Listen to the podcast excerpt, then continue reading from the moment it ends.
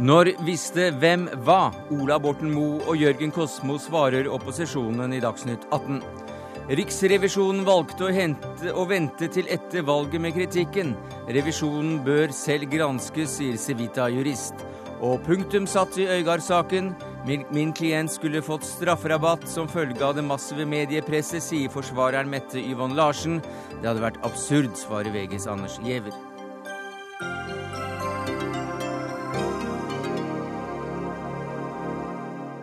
Ja, dette er noen av sakene i Dagsnytt 18 denne torsdagen, der vi også får en forkortet historietime om 1814 med Karsten Alnes bak kateteret, og spør hva i all verden det er som skjer når lederen av britiske Labour sier at sosialismen er på vei tilbake, og får strålende meningsmålinger. Men først til eh, Mongstad-saken, eller Mongstad-sakene. For kritikken bare øker etter Riksrevisjonens dom over regjeringens håndtering av prestisjeprosjektet.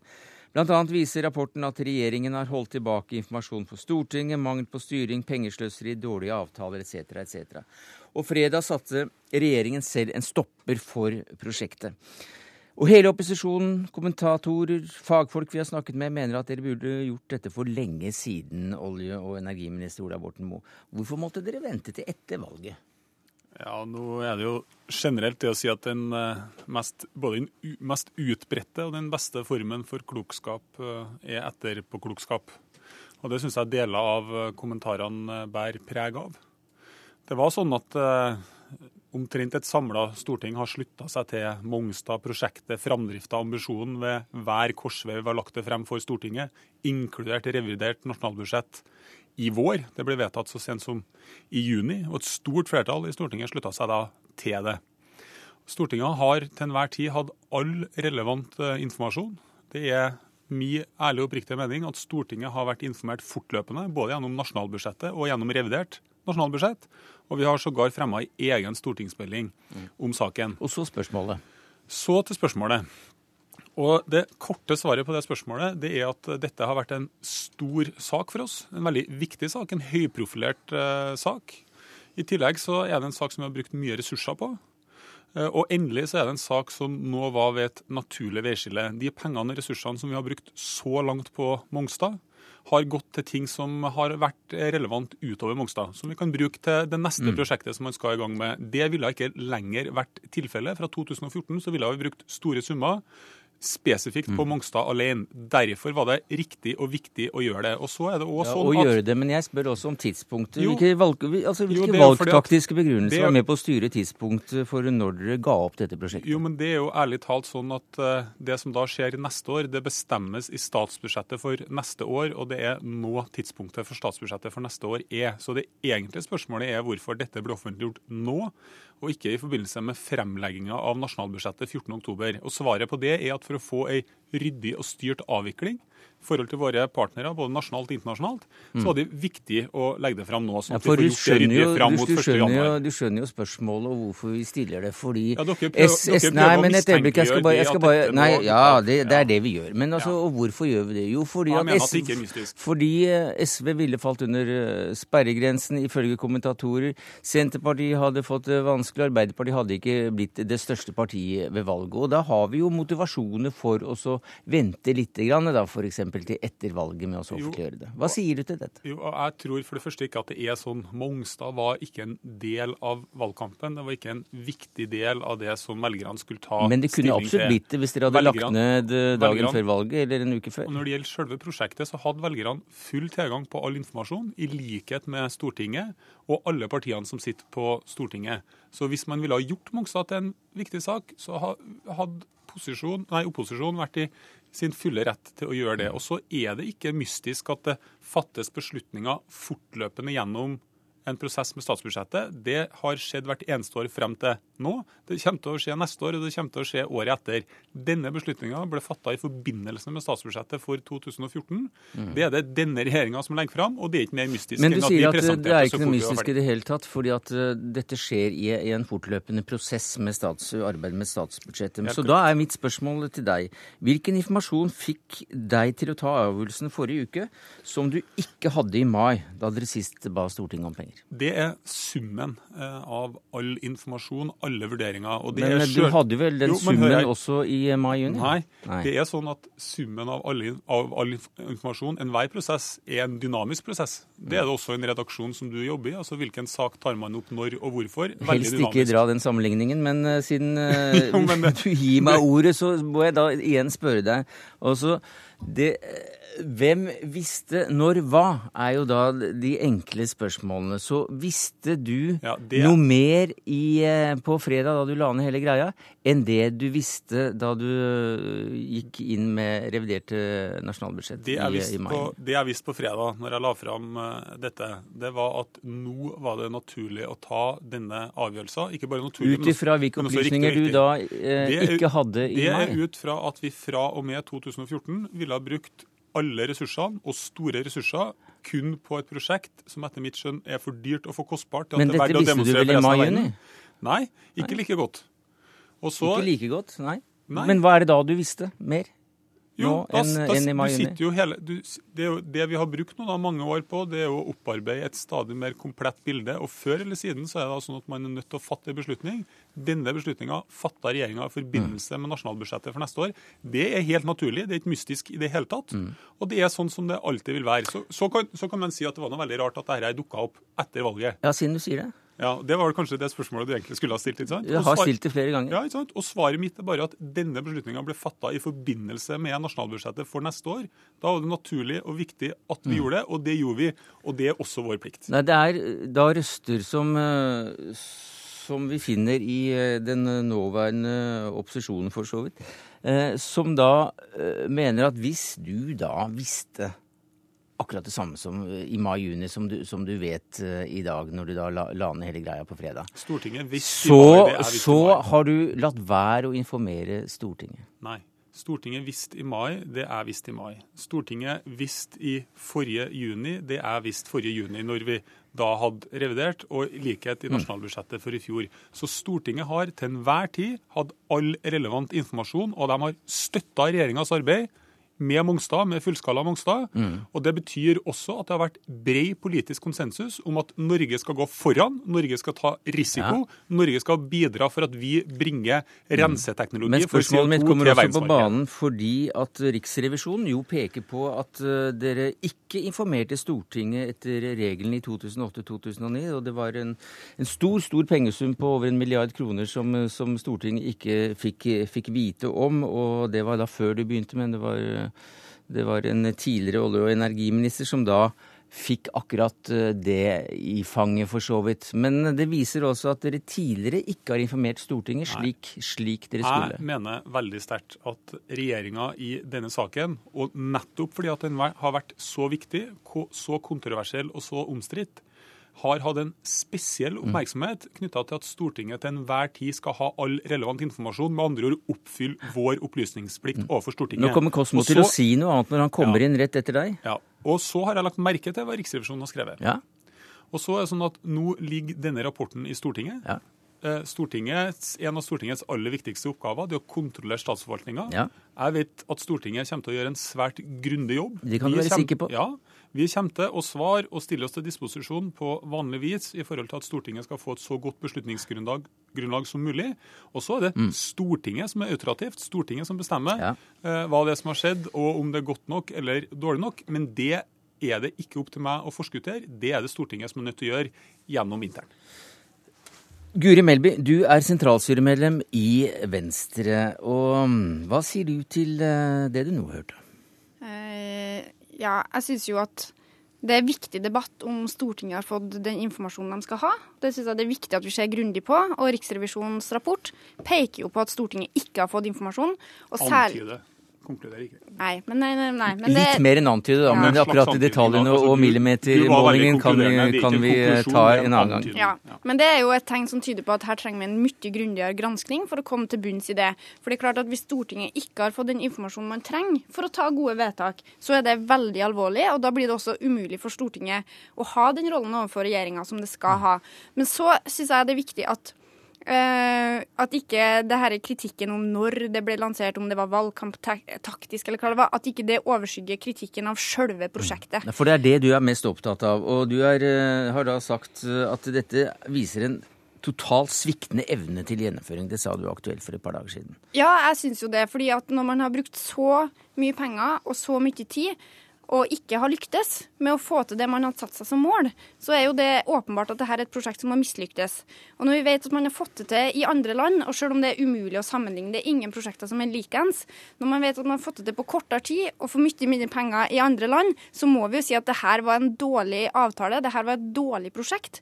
Og jeg mener jo det er det som olje- og energiministeren først og fremst bør ta ansvar for. Hva var rollefordelinga mellom staten og Statoil? Hvordan var organiseringa?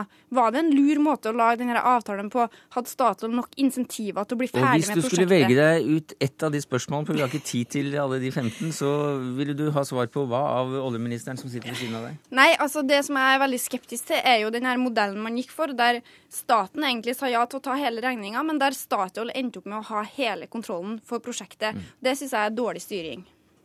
Ja, altså igjen, la meg bare først si at det er ikke en internasjonal konkurranse om å få renseteknologi til markedet først. Det er en internasjonal dugnad.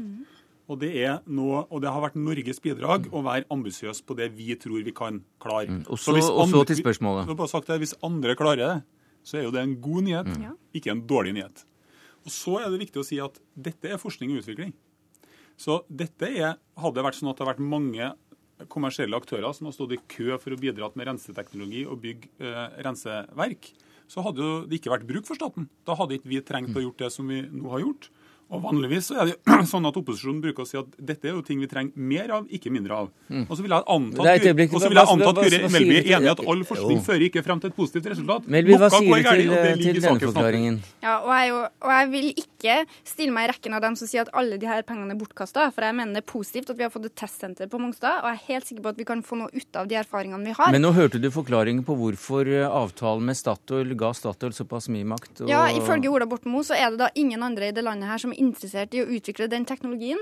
Det er noe veldig annet enn det jeg har hørt. Eh, Nei, Det er flere som utvikler teknologi. Vi har både Alstom og Aker Clean Carbon på testsenteret, og nå skal vi ha enda flere i fremtida. Men det var ikke en lang kø av store industrielle aktører som var interessert i å bygge et fullskala renseanlegg. Men det var vel selve, det men det var vel selve, men det var vel selve avtalen dere gjorde med Statoil som kritiseres Ja. av Og den har også vært gjenstand for behandling i Stortinget, og Stortinget har slutta seg til det. Og Stortinget har bevilga pengene fortløpende, og Stortinget har sittet med all informasjon til enhver tid. Så der mener jeg at vel etterpå så kan man si det at eh, ja, det kunne ha vært gjort bedre. Og vi sier jo sjøl at i neste omgang så ønsker vi å ha en bedre incitamentstruktur. Altså med andre ord at man kommersielt har en større risiko på selskapets hånd enn på statens hånd.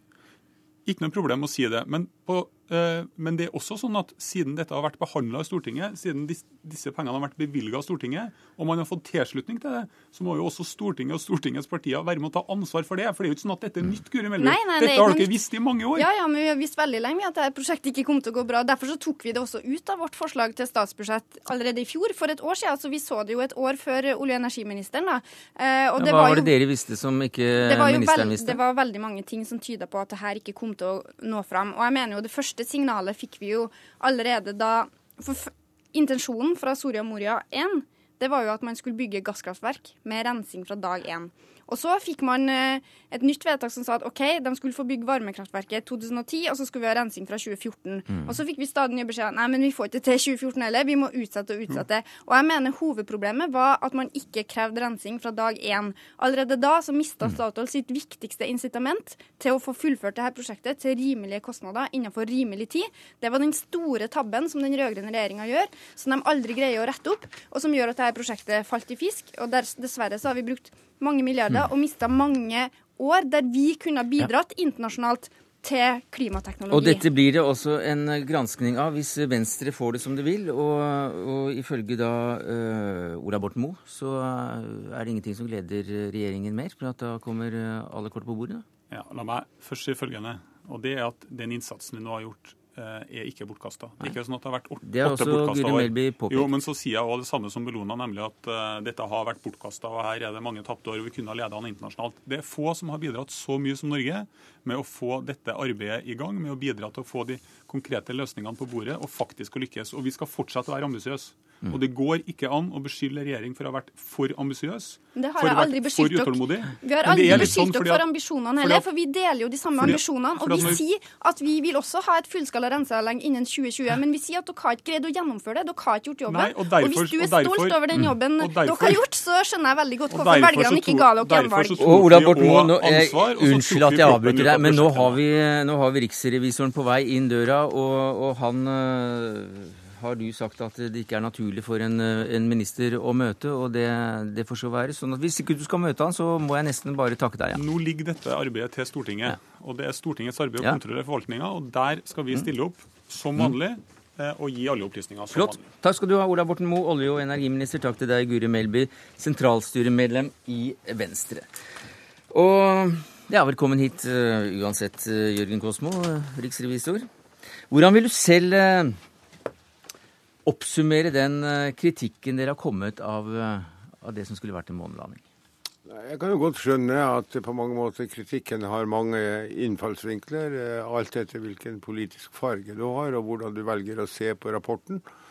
Riksrevisjonen leverer jo rapporter til Stortinget med våre anbefalinger, og så er det jo opp til Stortinget gjennom diskusjon og vedtak og bestemme hva som skal være oppfølgingen av rapporten. Jeg har forståelse for de som ønsker at Riksrevisjonen overhodet ikke skal fremme rapporter når Stortinget ikke er samla.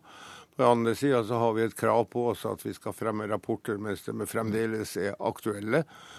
Og så har da Riksrevisjonen ment eh, gjennom sin eh, opptreden, i, de, i hvert fall de siste to valgene som på mange måter jeg har hatt ansvaret for, å være riksrevisor, at det er ikke fornuftig for Riksrevisjonen å legge fram rapporter mot slutten av valgkampen, fordi at Riksrevisjonen lett vil måtte stille og enten forsvare eller, eller motarbeide de enkelte politiske synspunkter.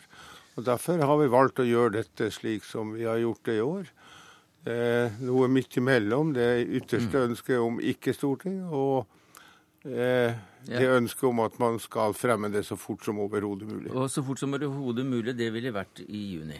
Nei, det er jo helt umulig. Altså, Kollegiet hadde sistegangsbehandling av den saken i, midten, eller i, i slutten av juni. Og det er, Da er ikke rapporten Nei. ferdig. Da skal den kvalitetssikres, da Ja. skal den trykkes og det ene med det andre. Så kanskje en måned, halvannen måned etter det ville vært aktuelt. Morten Kinander, du er jurist og filosof i Civita, og du har reagert på akkurat tidspunktet for fremleggelsen av denne rapporten. Ja, eh, utgangspunktet er jo at det, som eh, Morten Moe og Melby var inne på tidligere, at det er, jo, det er jo i utgangspunktet ganske alvorlige påstander som fremsettes i rapporten. Altså at, at Stortinget har fått uriktig informasjon av en regjering, eh, reguleres i utgangspunktet av riksrettsloven.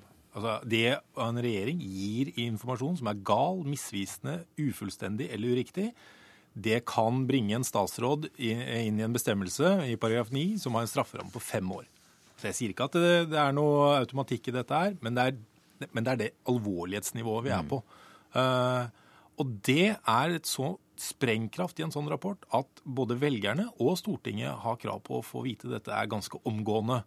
Uh, og jeg, altså, jeg noterer meg at argumentet om, om, om riksrevisorens uavhengighet har kommet på banen her, at det vil være å blande seg inn i en valgkamp. Men det er litt som å ikke legge fram en negativ takstrapport samtidig som du selger huset, for det vil påvirke prisen.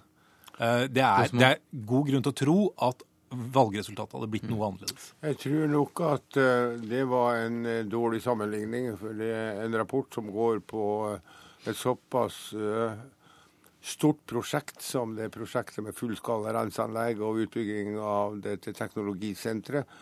Eh, har en annen dimensjon enn en takst på et hus eh, der en skal kjøpe og selge. Det var et billig, da. Den er billig. Bilde, sa jeg. Det er et bilde. Ja, vi kan sammenligne med børsnoterte selskaper og revisorers rolle i den sammenheng. Og jeg tror vel kanskje ikke at det regelverket tillater at en revisor selv velger hvor lang tid det skal ta før uh, hans konklusjoner når offentligheten. Uh, det er lovpålagte plikter for veldig mange sammenhenger. Og jeg har lest uh, dette regelverket opp og ned, og jeg ser ikke helt hvor Altså om dette regelverket er godt nok når det gir en riksrevisor så mye diskresjonært skjønn med hensyn til når publiseringen skal skje. Jeg mener jo eh, at eh, regelverket er godt nok, og på mange måter så kommuniserer vi dette med Stortingets kontroll- og konstitusjonskomité. Og eh, jeg vet jo at det er mange meninger om dette i kontroll- og konstitusjonskomiteen, men jeg har ikke registrert at vi gjennom den informasjonen har fått alvorlige motforestillinger. Mm. Anders uh, Anundsen, leder av kontroll- og konstitusjonskomiteen, hva sier du til dette? Ja, til det sier jeg at Det er ikke vår jobb å komme med motforestillinger mot Riksrevisjonens valg av publiseringstidspunkt for sine rapporter. Riksrevisjonen er uavhengig. De velger selv når revisjonsrapportene godkjennes eh, av kollegiet. Og de bruker selv den tiden de mener er rimelig og riktig og de velger selv hvorvidt de publiserer eh, rapporter løpende, eller om de tar spesielle hensyn. Det som gjorde at denne saken eh, fremsto som mer alvorlig enn det den kanskje er, sånn på publiseringsnivå, var jo at det ble fremmet påstander om at det var foretatt en vurdering av innholdet i rapporten, og at det deretter ble besluttet å skyve på beslutningen. Og det er det jo ingenting som tyder på er riktig. Nei, det er det, helt feil. Den, så den diskusjonen kom jo egentlig litt skeivt ut. Men kontroll- og konstitusjonskomiteen har verken drøftet eller gitt noen tilbakemelding på når Riksrevisjonen skal publisere sine rapporter. Nei, jeg har heller ikke antyda det. Jeg har sagt at uh, kontroll- og konstitusjonskomiteen har vært informert og innforstått med det som vi har lagt opp som, som praksis. Og jeg har ikke forventa meg at eh, kontroll- og konstitusjonskomiteen skulle gi noen instruks. Mm. Og Det ville bare understreke veldig sterkt at det prinsippet vi har fulgt, har ingenting med innholdet i de ulike rapportene å gjøre. Enten det har vært mm. en positiv eller en negativ eh, rapport, så vil vi ha mm. stått på det samme prinsippet. Jeg, jeg, jeg mistenker heller ikke Riksrevisjonen for å ha tatt en, tatt en politisk, konkret partipolitisk vurdering her og, og, kalkulert seg fram til hva dette kan bety for utfallet av valgkampen. Det er ikke det, er ikke det min innvending går på. Min innvending går på at, taktiske, at policyen om å ikke publisere er basert på taktiske hensyn for velgerne. For rapporter fra Riksrevisjonen eh, er jo som regel negative hvis de får et oppslag. Eh, slik at det kan bare gå utover noen eh, i denne sammenhengen. Slik at det er mer det at man har led, ledere av Riksrevisjonen som er, har en politisk erfaring, som, som, jo er tradisjonen i Norge, at man oppnevner tidligere politikere som ledere av Riksrevisjonen, jeg syns kanskje er problematisk. For det, det viser liksom at man tar den, de typene hensyn. Og det skal ikke en mm. riksrevisor gjøre, slik som i Sverige f.eks., hvor det ikke er den eh, og det er, det er, absolutt en relevant diskusjon som vi bør ha helt uavhengig av denne Mongstad-rapporten, egentlig. For det ville ikke blitt noe mindre diskusjon om publiseringstidspunktet hvis den var kommet midt i august, rett i forkant av, av valget. Men var ikke du eh, inne på selv at, eh, at, Riksrevisjonen burde planlegge å legge fram denne rapporten før Stortinget gikk fra hverandre i sommer? Jo, jeg mener, og Fremskrittspartiet mener, at en må prøve å legge opp eh, forvaltningsrevisjoner til presentasjon mens Stortinget er samla. Og det henger mm. sammen med at vi har et nært samarbeid med Riksrevisjonen når disse rapportene presenteres presenteres, forutsatt at Stortinget er samla. Da har vi et møte i forkant. Vi kan stille spørsmål direkte til Riksrevisjonen og de som har jobbet med rapporten. Og vi kan svare da på spørsmål når ting dukker opp. Og det hadde ikke vært midt i valgkampen? Nei, og det hadde vært veldig formålstjenlig om vi hadde makta å greie det. Men enkelte rapporter, som dere sikkert skjønner, er litt mer komplisert og trenger noe lengre tid enn vi først uh, antok. Og første muligheten for å bli ferdig slik at kollegiet kunne sluttbehandle dette, var i slutten av juni. Og da var det ingen mulighet til å fremlegge den før Stortinget gikk ifra. Litt av utfordringen her handler om planlegging. og Disse revisjonsrapportene planlegges i veldig god tid, og en har relativt god tid på å gjennomføre dette. Så hvis en hadde ønsket å gjennomføre en strategi vi, som hadde resultert i at uh, Stortinget var samlet når det ble presentert, så hadde det vært mulig. Det som er utfordringen nå, er jo at flere av de viktige forvaltningsrevisjonsrapportene, det er jo ikke bare Mongstad-rapporten som kom nå uh, rett i forkant av valget, blir altså ikke gjenstand for den samme behandling behandlingen eller oppfølgingen fra Stortingets side som de rapportene som fremlegges når Stortinget er samla. Og det er heller ikke noe godt utgangspunkt. Men jeg må bare påpeke at Stortinget er fortsatt ikke samlet, men rapporten ligger her. Uh, slik at det er jo et valg av et publiseringstidspunkt som ikke nødvendigvis sammenfaller med hvorvidt Stortinget er samlet eller ikke. Men det var et valg ut ifra valget? Ja, ja, og det mener jeg og det, er nå har, nå har du hørt eh, begrunnelsen for hvorfor eh, det er formålstjenlig. Ja, men eh, det er Jeg må bare gjenta det jeg har sagt tidligere. at det er jo det har jo ført til at vi som velgere har gått til valg på mangelfull informasjon. Og det er jo ganske alvorlig.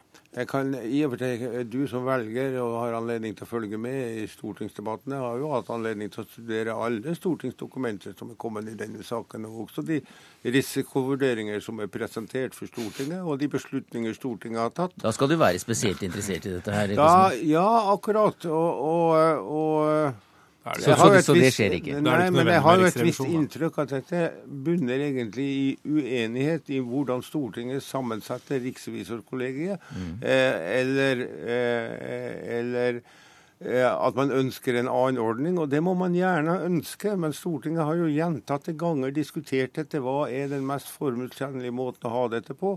Og har kommet mm. til at den ordninga man har hatt i 200 år snart, det er ja. en fornuftig ordning. Det, det, det, er så. Men eh, tilbake igjen da til, eh, til egentlig det grunnspørsmålet som eh, Kinander stiller her. altså.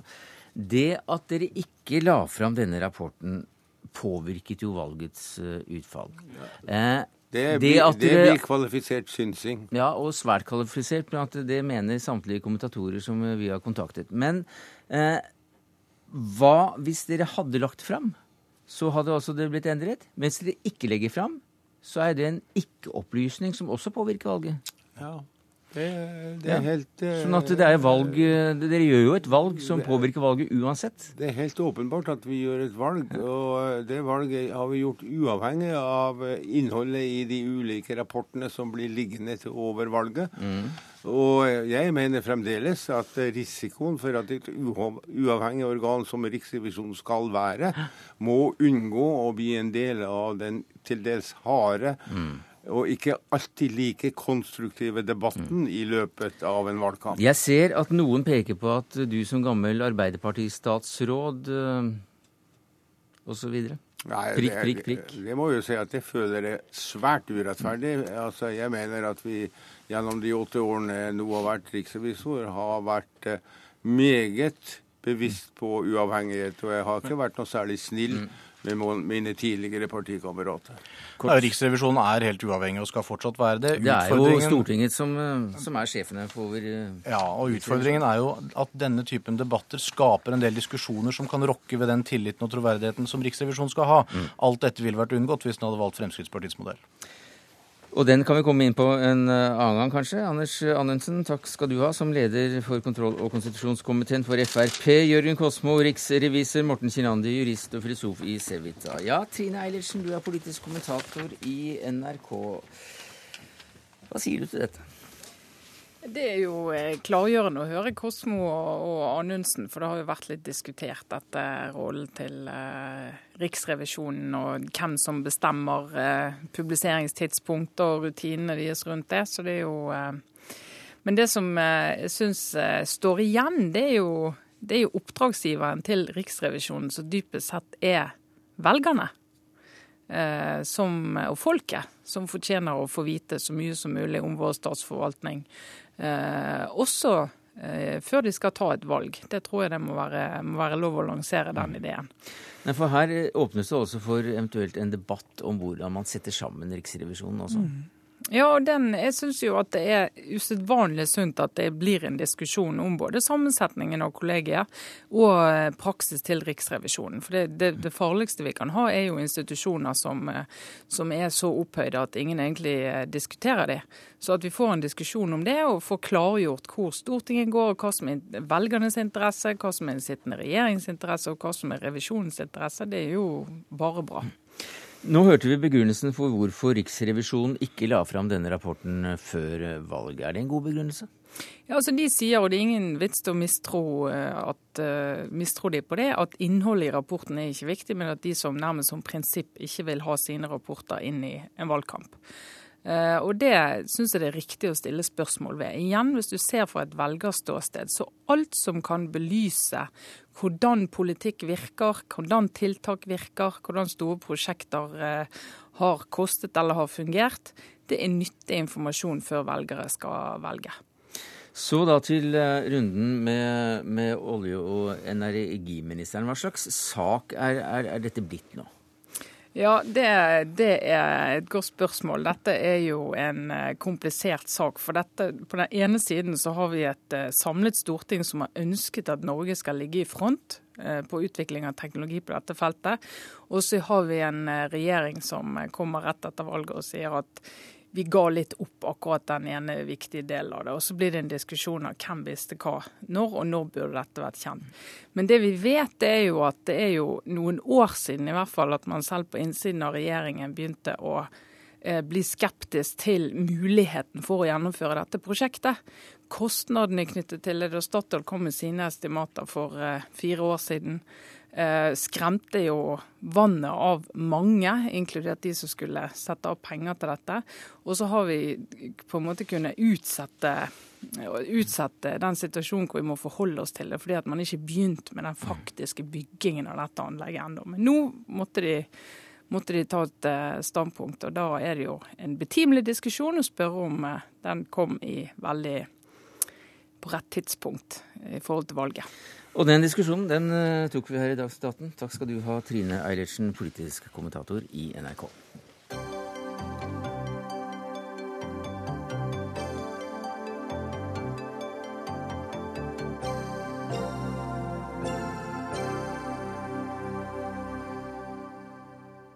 Hvis eh, Dovre fremdeles står, så blir det et 200-årsjubileum for Grunnloven eh, neste år. 1814, miraklenes år, står det med gullskrift på en 600 siders bok som nylig kom ut, og slik begynner den. Året 1814 er skjellsettende i norsk historie.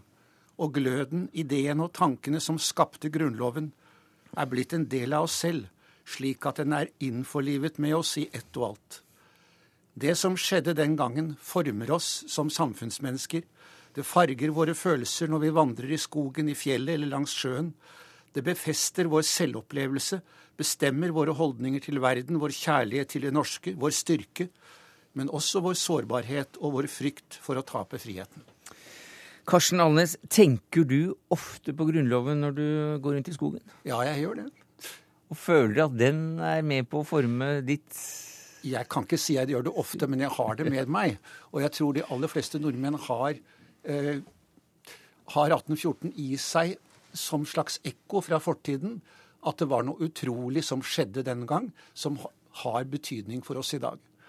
Og eh, f.eks. gløden som var i 1814. Eh, fordi at den kom overraskende, kom som en gave, kom plutselig.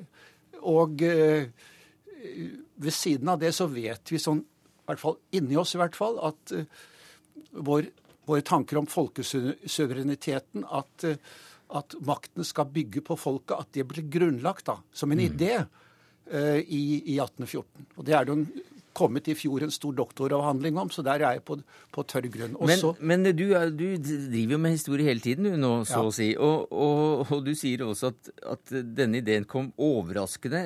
En gave plutselig. Men det er vel ikke slik en historiker formulerer hvordan utviklingen går? Nei, det er helt korrekt. ja. Det, den kommer fra Europa. Den, den, kommer over tid, selvfølgelig. Men den ble oppfattet av nordmenn den gangen som et under. De kalte det miraklenes år. Og eh, vi har vitnemål om at eh, når de fikk greie på at de skulle velge en riksforsamling, så gikk de, som professor Staud Plado sier, halvt beruset omkring og lykkeønskede hverandre som frie nordmenn. Mm. Og sånn varte det hele eh, året ut, med overraskende, skiftende situasjoner. En krig, en, et tvangsekteskap med Sverige, som tross alt da førte til at vi beholdt vår selvstendighet og de rettighetene som, som var festet i Grunnloven i, i, i mai 1814. Du, flere har jo fått med seg at, eh, eh, at vi fikk Grunnloven i mai 1814. Mm. Men det som jeg tror eh, flere vil ha interesse av å lese også, det er jo ditt ditt bilde av hvordan Norge så ut i 1814, med altså en befolkning i Oslo på størrelse med halvparten av dagens innbyggertall i, i Elverum. 10 000, rundt 10 000 mennesker. Og vi var fattige u-land, kaller du oss. Ja, i 1814 så var jo hele landet konkurs etter en syvårskrig. Eh, det var det ene. Det andre var at, eh, at eh, sulten og, og mangelen på, på korn hadde, hadde, skapt desperasjon i befolkningen. Og eh, ved siden av dette så, så, så, var det jo et annet land den gangen. enn Men der i eh, dag. befolknings... eh, antall mennesker i Norge gikk ned. Det gikk ned under, eh, under krigen, ja. ja fordi at eh, vi var avhengig av korneksport utenfra, eh, fra Danmark. Og pga. at vi lå i krig med England, så ble, ble kysten blokkert.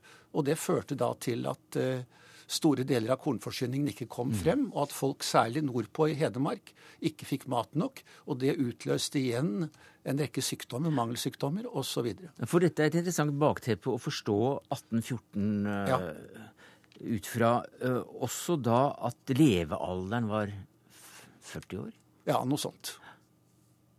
Men så ble det altså da var det 112 edsvorne menn. Ja, Menn. Ja? Som, eh, som samlet eh, seg på, på, eh, i- på, i Eidsvollsbygningen. Hvem var det?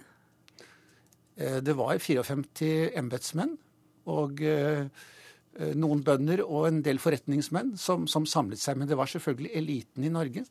Og en elite som var vel orientert om tankene om ytringsfrihet, religionsfrihet, rettssikkerhet ute i Europa. Så de, de kom ikke uforberedt til Eidsvoll. Mange av dem hadde gått på universitetet i København. Og eh, eh, i løpet av krigen så var det da no, vokst frem en norsk patriotisme og eh, eh, en erkjennelse av en norsk identitet som gjorde at eh, ja, de ville gjerne velge, vedta en grunnlov og, og, og velge en egen norsk Og hva sto på spill? Hva sa du? Hva sto på spill? Det som sto på spill, var jo eh, Egentlig så var jo dette en plan for å føre Norge tilbake til Danmark i en union igjen. Det må vi aldri glemme. Eh, Men eh, når man først var kommet i rusen, så, så var det jo en norsk selvstendighet som sto på spill. Og den, den ble vedtatt så å si 17. mai. Da ble, det er grunnlovsdagen. Og den, den greide nordmennene å holde på den 4. november, da de valgte en en svensk konge enstemmig. Ikke sant? Den svenske kongen ble valgt enstemmig også til norsk konge den 4. november. Og grunnloven ble stort sett beholdt. Det vil si den, for, den gjennomgikk noen små forandringer som egentlig gjorde kongsmakten litt svakere, og det passet veldig godt for oss. Men ellers så var strukturen omtrent den samme. Alle menneskerettighetene og rettssikkerheten fikk vi beholde. Og det var også på en måte et under. Men så da denne figuren, prins eh, Christian Fredrik, opp som en løve, ned som en fell. Også et, om ikke et mirakel, et, så et mysterium, skriver du. Ja. Øh, Jeg syns at Christian Fredrik langt på vei er et mysterium, men det som er helt sikkert, er at hans, han var den ledende politiker første halvpart av 1814, og han, han, hans strategiske teft førte til at eh, vi fikk en våpenhvileavtale med svenskene istedenfor å få en blodig krig. Altså Han var på en måte en fredsfyrste som satte foten ned for generalstaben og regjeringen, og gikk inn i forhandlinger og var egentlig beredt på å abdisere omtrent i samme øyeblikk han ble valgt til konge. Og man kan si at det er pga. svakhet. Jeg tror heller det er pga. strategisk dyktighet. Og så var han beruset av nordmennene, akkurat som de var beruset av han. Og han ville gjerne etterlate seg en arv, nemlig en så stor norsk selvstendighet som mulig. Og det greide han. Og vi har grunn til å være takknemlig både mot han og mot Karl Johan, som jo også ga etter overfor nordmennene. Mye mer enn den svenske regjeringen og den svenske kongen. Av mange forskjellige årsaker. Miraklenes eh, år, hva var det største mirakelet? Det største miraklet var at vi eh, kom gjennom eh, 1814 som en, en selvstendig nasjon. Ja, det er helt eh, Det er absolutt. En folkelig bok om et skjellsettende år, skriver Dagbladet i sin anmeldelse av boka di. Hva er du i gang med nå? Jeg går ut fra at det ikke blir 600 sider om eh, 1815? Nei, jeg, eh, jeg skriver ikke på noe, bortsett fra en liten artikkel om Finansdepartementets første syv år. For det var viktig Det var veldig i viktig. nasjonsbyggingen Ja, og, og det var, eh, Mm. det var veldig viktig. Takk skal du ha, Karsten Alnes, altså forfatter av boka 1814 Miraklenes år.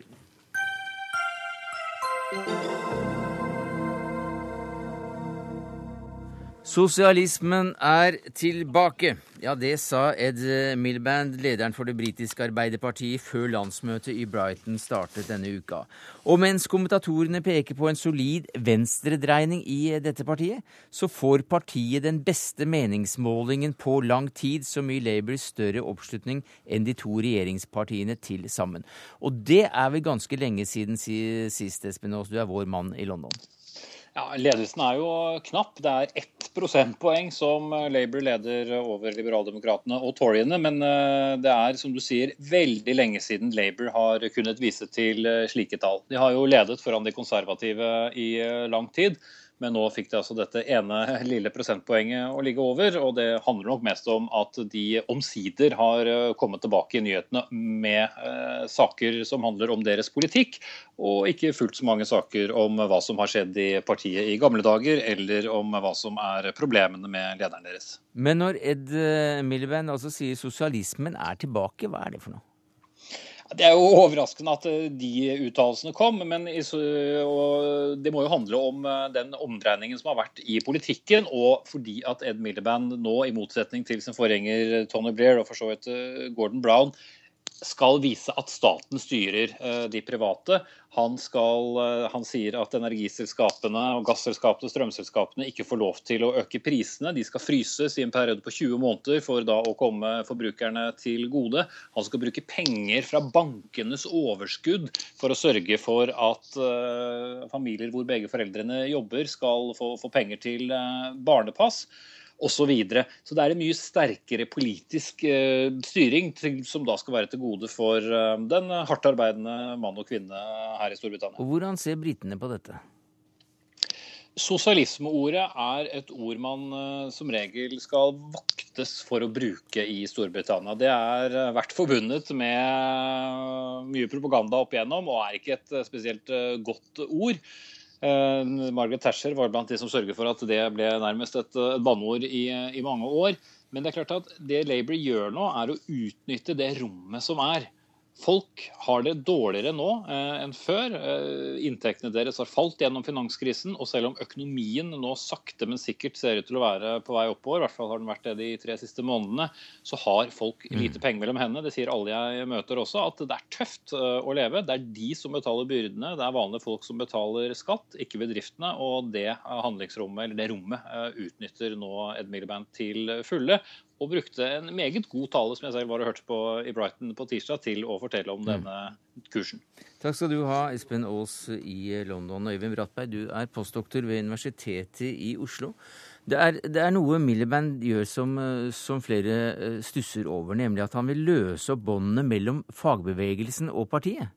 Eh, en fagbevegelse som vel da støttet ham eh, mot broren, og var en av grunnene til at han faktisk da seilte opp.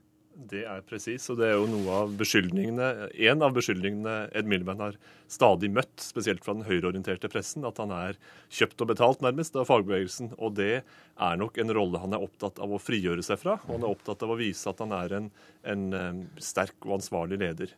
Men så er det én side til ved, ved, dette, dette med fagbevegelsen og, og, det påståtte oppgjøret. Og det handler om at Ed Miliband har en, en ambisjon om å bygge noe av et grasrotparti, altså mer av en massebevegelse som også da er finansiert og tuftet på noe annet enn en, uh, tomme hva skal man si, Eh, tomttenkende overføringer fra fagbevegelsen og mer i retning av en, en regulær grasrotbevegelse.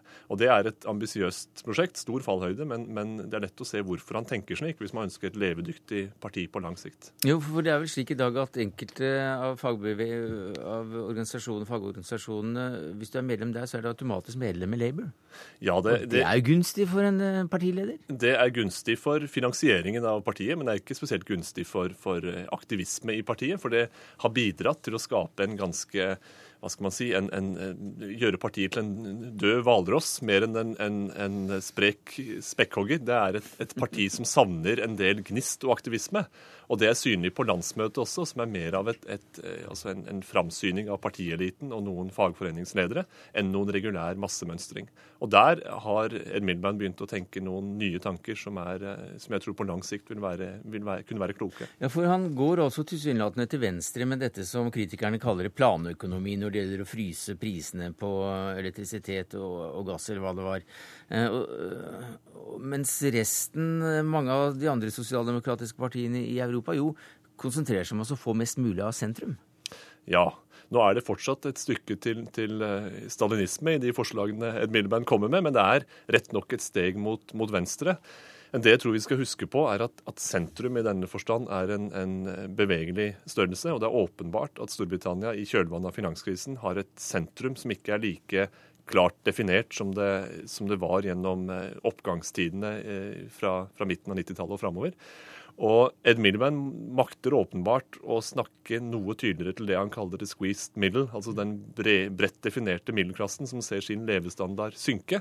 Og klarer han å få de om bord, så kan han lykkes med å gjøre partiet til en, eh, et bredere fenomen. Men allikevel så viser meningsmålinger at personen, lederen selv, er mindre populær enn partiet. Ja, og det er kanskje ikke helt uventet for de som ser Ed Milband for første gang, fordi han kan gi mer inntrykk av elevrådsleder enn en statsmann. Jaha. Og det er jo også et, et stempel han har fått, eh, fått, slite med, og det er et ganske viktig poeng. fordi statsministeren i Storbritannia det er en, en rolle hvor man forventer at det skal være en viss gravitas og en viss utstråling. Og der har han fortsatt uh, ja, en, en, en, oppgave foran seg i det halvannet året som gjenstår til, eh, til, valget. Men hvorfor er han ikke mer populær? Er det bare utseendet og framtoningen? Det har jo noe å gjøre med også at han har, en, en, han har renommé som mer av en, en uh, seminartenker, altså en, intellektuell, snarere enn en, folketaler. Eh, og det, Så har han også kommet inn under veldig vanskelige omstendigheter som opposisjonsleder. og det, Han trenger tid til å bygge opp et, uh, en sterkere rolle. Espen Aas, du kommer inn fra London. Ja, og Et annet poeng eh, når det gjelder Ed Miliband, er jo at han var jo også en del av Gordon Browns eh, regjering. Kanskje den mest upopulære regjering på veldig lang tid. og Det vil nok henge ved Ed Miliband at han var med på, for å sitere Torjene, krasjet bilen, krasjet eh, økonomien. Og de advarer da sterkt mot å gi nøklene tilbake til nettopp denne mannen. Så der har han nok en ganske tung jobb å gjøre for å overbevise velgerne om at han vil levere bedre på økonomi enn forgjengeren. Brattberg, dette landsmøtet baner det veien for eh, fremdeles oppgang for partiet, og en, eh, at de kan komme til Downing Street om to år, der det er valget? Det svinger mye med disse meningsmålingene, og det er en, en eh, lang dags ferd mot natt. skulle jeg til å si. Det er langt frem til, til dette valget, og, og, mange av de målene som, som, Labour har satt seg, er foreløpig ganske vagt mm. definert. Det kommer til å bli spennende halvannet år for å, si det, for å velge den, den, varianten. Vi følger med. Takket være deg, Espen Aas, korrespondent i London, og Øyvind Brattberg, postdoktor ved Universitetet i Oslo.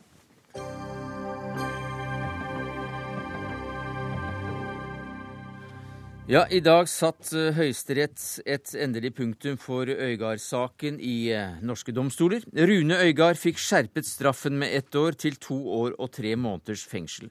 Og forsvarer eh, Mette Yvonne Larsen, hvordan reagerte Øygard på at dommen ble skjerpet? Nei, han ble jo veldig skuffa over det. Han er jo ikke enig i at han skulle vært dømt i det hele tatt. Og da er jo det klart at et år ekstra i fengsel, det, det er veldig tøff melding å få. Kan du si noe mer om reaksjonen? Ja, han eh, er skuffa over at eh, de går eh, et år opp når de bygger på akkurat det samme faktum som lagmannsretten har brukt fem uker på. Og lagmannsretten har hørt og sett alle parter. De har sett alle beviser, og at Høyesterett syns at de da skal gå opp med ett år, det tror jeg er både overraskende og skuffende for han. Man har jo alltid hatt tillit til rettssystemet. Du er kanskje ikke så skuffet over dommen, Torbjørn Klundsæter. Du var aktor i saken? Nei, det er jo riktig at uh, påtalemyndigheten er tilfreds med at Høyesterett nå har skjerpet straffen opp mot det nivået som uh, påtalemyndigheten mente det burde ligge på. Hvilket forhold var det som bidro til å skjerpe straffen i dag, etter din mening? Ja, Det er den samlede vurderingen av de straffeutmålingsmomentene som har vært påberopt fra påtalemyndigheten hele tiden under saken, rett og slett. Det er omfanget av overgrepet, både den lange tiden det har pågått, og at, sånn som Høyesterett uttrykker det i dommen i dag, altså et betydelig antall tilfeller av seksuell omgang. Og I tillegg så kommer da graden av utnyttelse som Høyesterett har brukt en del tid på i dommen å påpeke. Takk skal du ha, aktor i saken Torbjørn Klundsæter. Eh, Mette Yvonne Larsen, du kaller dommen for historisk streng. Hva legger du i det? Jeg legger det at han er domfelt i et straffebud som egentlig kunne ha gitt ned mot null. Fordi at etter hvert som man nærmer seg 16, så er faktisk seksuell omgang lovlig. Og da, det jeg ser at Høyesterett har gjort, de har gått over minstestraffen for forholdet han ble frifunnet for. Eh, og da er det historisk strengt. Vi har ingen dommer eh, med dette straffebudet her som ligger på mer enn syv-åtte måneder i Høyesterett. Men så da til det temaet som vi skal bruke de siste ti minuttene av Dagsnytt 18s tid på, nemlig om mediepresset bør ha være grunnlag for mildere straff. For, for det har du sagt, Ivan eh, Larsen. Hvordan da? Ja, eh, jeg har jo brukt to poenger der. For det første er det det samlede medietrykket som har vært historisk. Jeg tviler på at Anders Behring Breivik har fått så mye mer oppmerksomhet i media enn Rune Øygard. Eh, for det andre så mente jeg at siden han ble frifunnet for det mest alvorlige forholdet, så burde den medieomtalen som har knytta seg til seksuell omgang under 14 år, og som da viser seg ikke være riktig, det burde ha gitt uttelling. Det presset der og det at han 32 000 ganger eh, på Google eh, får du treff på han og, og, begrepet pedofil. Og han er jo ikke pedofil. Så det, det, har jeg vært opptatt av. Hva sier du til dette, Anders Giæver? Du er kommentator i VG. Ja, nei, Jeg er veldig uenig i det. Ja, hvorfor det? Nei, altså For det første så, så syns jeg at man, man, kan ikke begynne å, å se på medieomtale som en del av den straffen Eh, man, man ilegges i, i, det norske rettssystemet. Det er eh, to helt forskjellige ting. Og så må jeg også si at, eh, at når det gjelder akkurat Øygard-saken, så har Øygard selv vært en aktiv deltaker i, i, den mediedekningen. Han gikk tidlig ut i mediene og, og prosederte sin sak. Og har også gjort det flere ganger både under saken og og etter saken. Så da måtte, da måtte, med, da måtte domstolene gått inn og begynne å liksom vurdere hvor mye positiv, uh, positiv medieomtale han har fått, hvor mye negativ, og, og, og regne ut det. Og jeg mener at når en så offentlig kjent person som Øygard, en, en person med så høy profil uh, i en sak hvor, som går, hvor han da, uh, og det er jo da stadfestet i Høyesteretts dom, har, har sin, misbrukt sin stilling for å, å skaffe seg seksuell omgang med en mindreårig, må regne med ganske mye uh, offentlig uh, omtale av dette. Larsen? Ja, altså, jeg har jo sans for Anders Jæver, men det standpunktet der det er jo veldig lite, det er veldig lite overraskende. Jeg har vel knapt hørt en mediemann, og særlig en mediemann som representerer en sånn vegg-til-vegg-dekning som VG har hatt, som kan innrømme at de sjøl er med på noe som er skadelig for noen. Det har jeg vel knapt hørt, bortsett fra uh, Aftenposten sin redaktør på et eller annet tidspunkt sa noe om det. Så jeg er ikke overraska over det, men, men, det media på en måte velger å gjøre, la være å gjøre, og som Anders Giæver også lar være å gjøre, gå inn i det som er poenget. Høyesterett har flere ganger sagt at medieomtale kan virke formildende. Det har de valgt å ikke gjøre her, men å gå inn i hva som er poenget, av hva, hvilken belastning han skal tåle og da mener jeg at man er over i moralen og, og, ikke på en måte i det der eh, faglige og det juridiske. Ja, men Nå sa ikke jeg at ikke medieomtale kan være skadelig eh, eller, eller, veldig belastende. Jeg sier bare at det kan ikke være en del av straffen i, eh, i det norske rettssystemet. Anine Kierulf, du er stipendiat ved Institutt for offentlig rett ved Universitetet i Oslo. Hvordan er egentlig jussen her?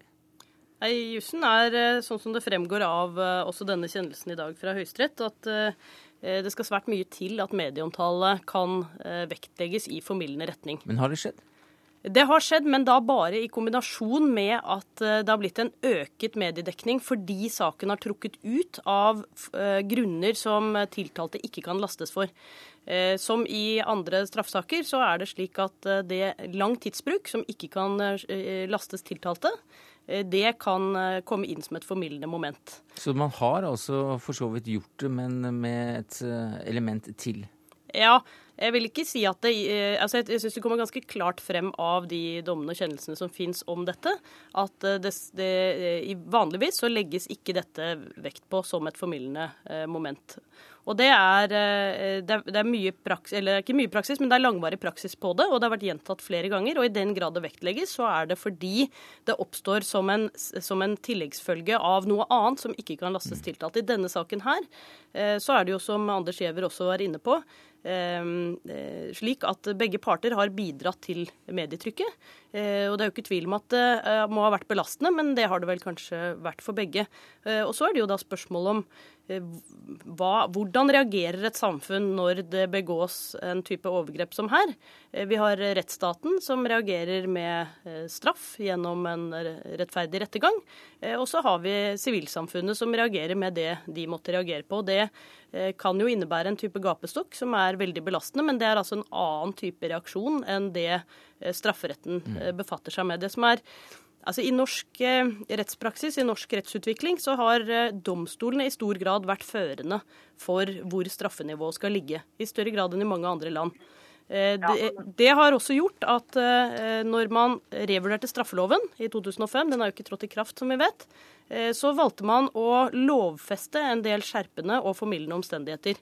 I denne revurderingen så er ikke medieomtale nevnt som en av de formildende omstendighetene. Nei, men ja, Jeg har lyst til å si at jeg hører hva Kjærulf sier, og jeg kjenner selvfølgelig til denne jussen jeg prosederte til spørsmålet i Høyesterett.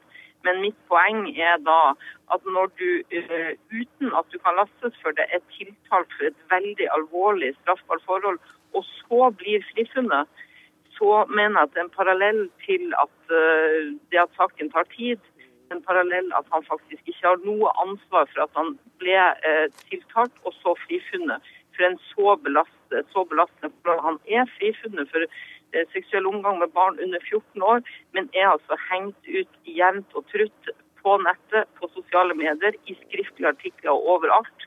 Og jeg er veldig overrasket over at ikke Høyesterett så at det var et poeng. For han er minst like uskyldig på det punktet som de som da har opplevd at saken tar lang tid uten at de kan lastes for det. I En måte å, å, angripe den problemstillingen på, jeg vet jo ikke hvordan denne saken har vært prosedert, men, eh, men en måte å tenke om dette på er jo at man da Eh, på en måte blir eh, uskyldig uthengt. Altså, eh, man har jo en uskyldspresumpsjon om at man er uskyldig inntil det motsatte er bevist, og i dette tilfellet så er man da kanskje antatt skyldig i noe man mm. endte opp med å bli uskyldig for. Det er noe domstolene kan ta hensyn til, men det har de da altså ikke gjort i dette tilfellet. Høyesterett sier at de ikke kan se at det er noen formildende omstendigheter i saken. Men er det ikke det riktige da at han jo blir frikjent for det mest alvorlige anklagene, og at det i så måte da jo, det, er et element til som kunne Det ble han jo i, han jo i, uh, i lagmannsretten uh, allerede.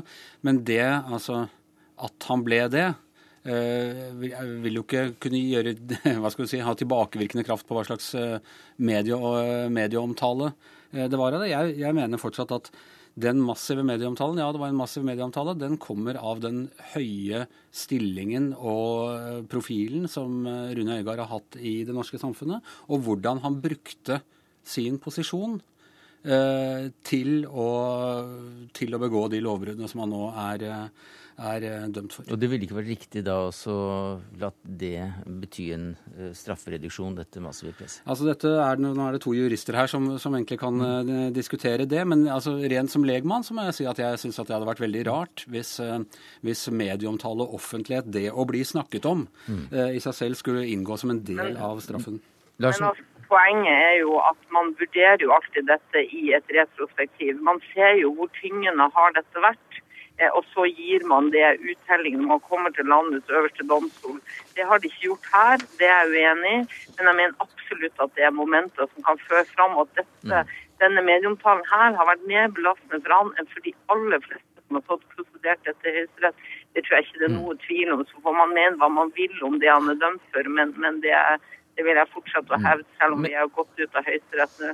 Mette Yvonne Larsen, eh, det er 30 sekunder igjen av sendinga, så svar veldig kort på om denne saken er ferdig nå. Eller vil han ta den videre til, eh, til Menneskerettighetsdomstolen, som vel er en mann som er seg uskyldig dømt, han vil aldri slutte å snu alle steinene, og det gjelder også i denne saken her. Mm. Eh, Men hva som konkret vil skje, det tror jeg ikke jeg skal si noe om nå. Mm. Takk skal eh, du ha, Mette Yvonne Larsen, forsvareren. Anders Giæver, avdelingsleder i kommentatoravdelingen i Verdens Gang. Anine Kierulf, stipendiat ved Institutt for offentlig rett ved Universitetet i Oslo. Det er Dagsnytt 18 slutt.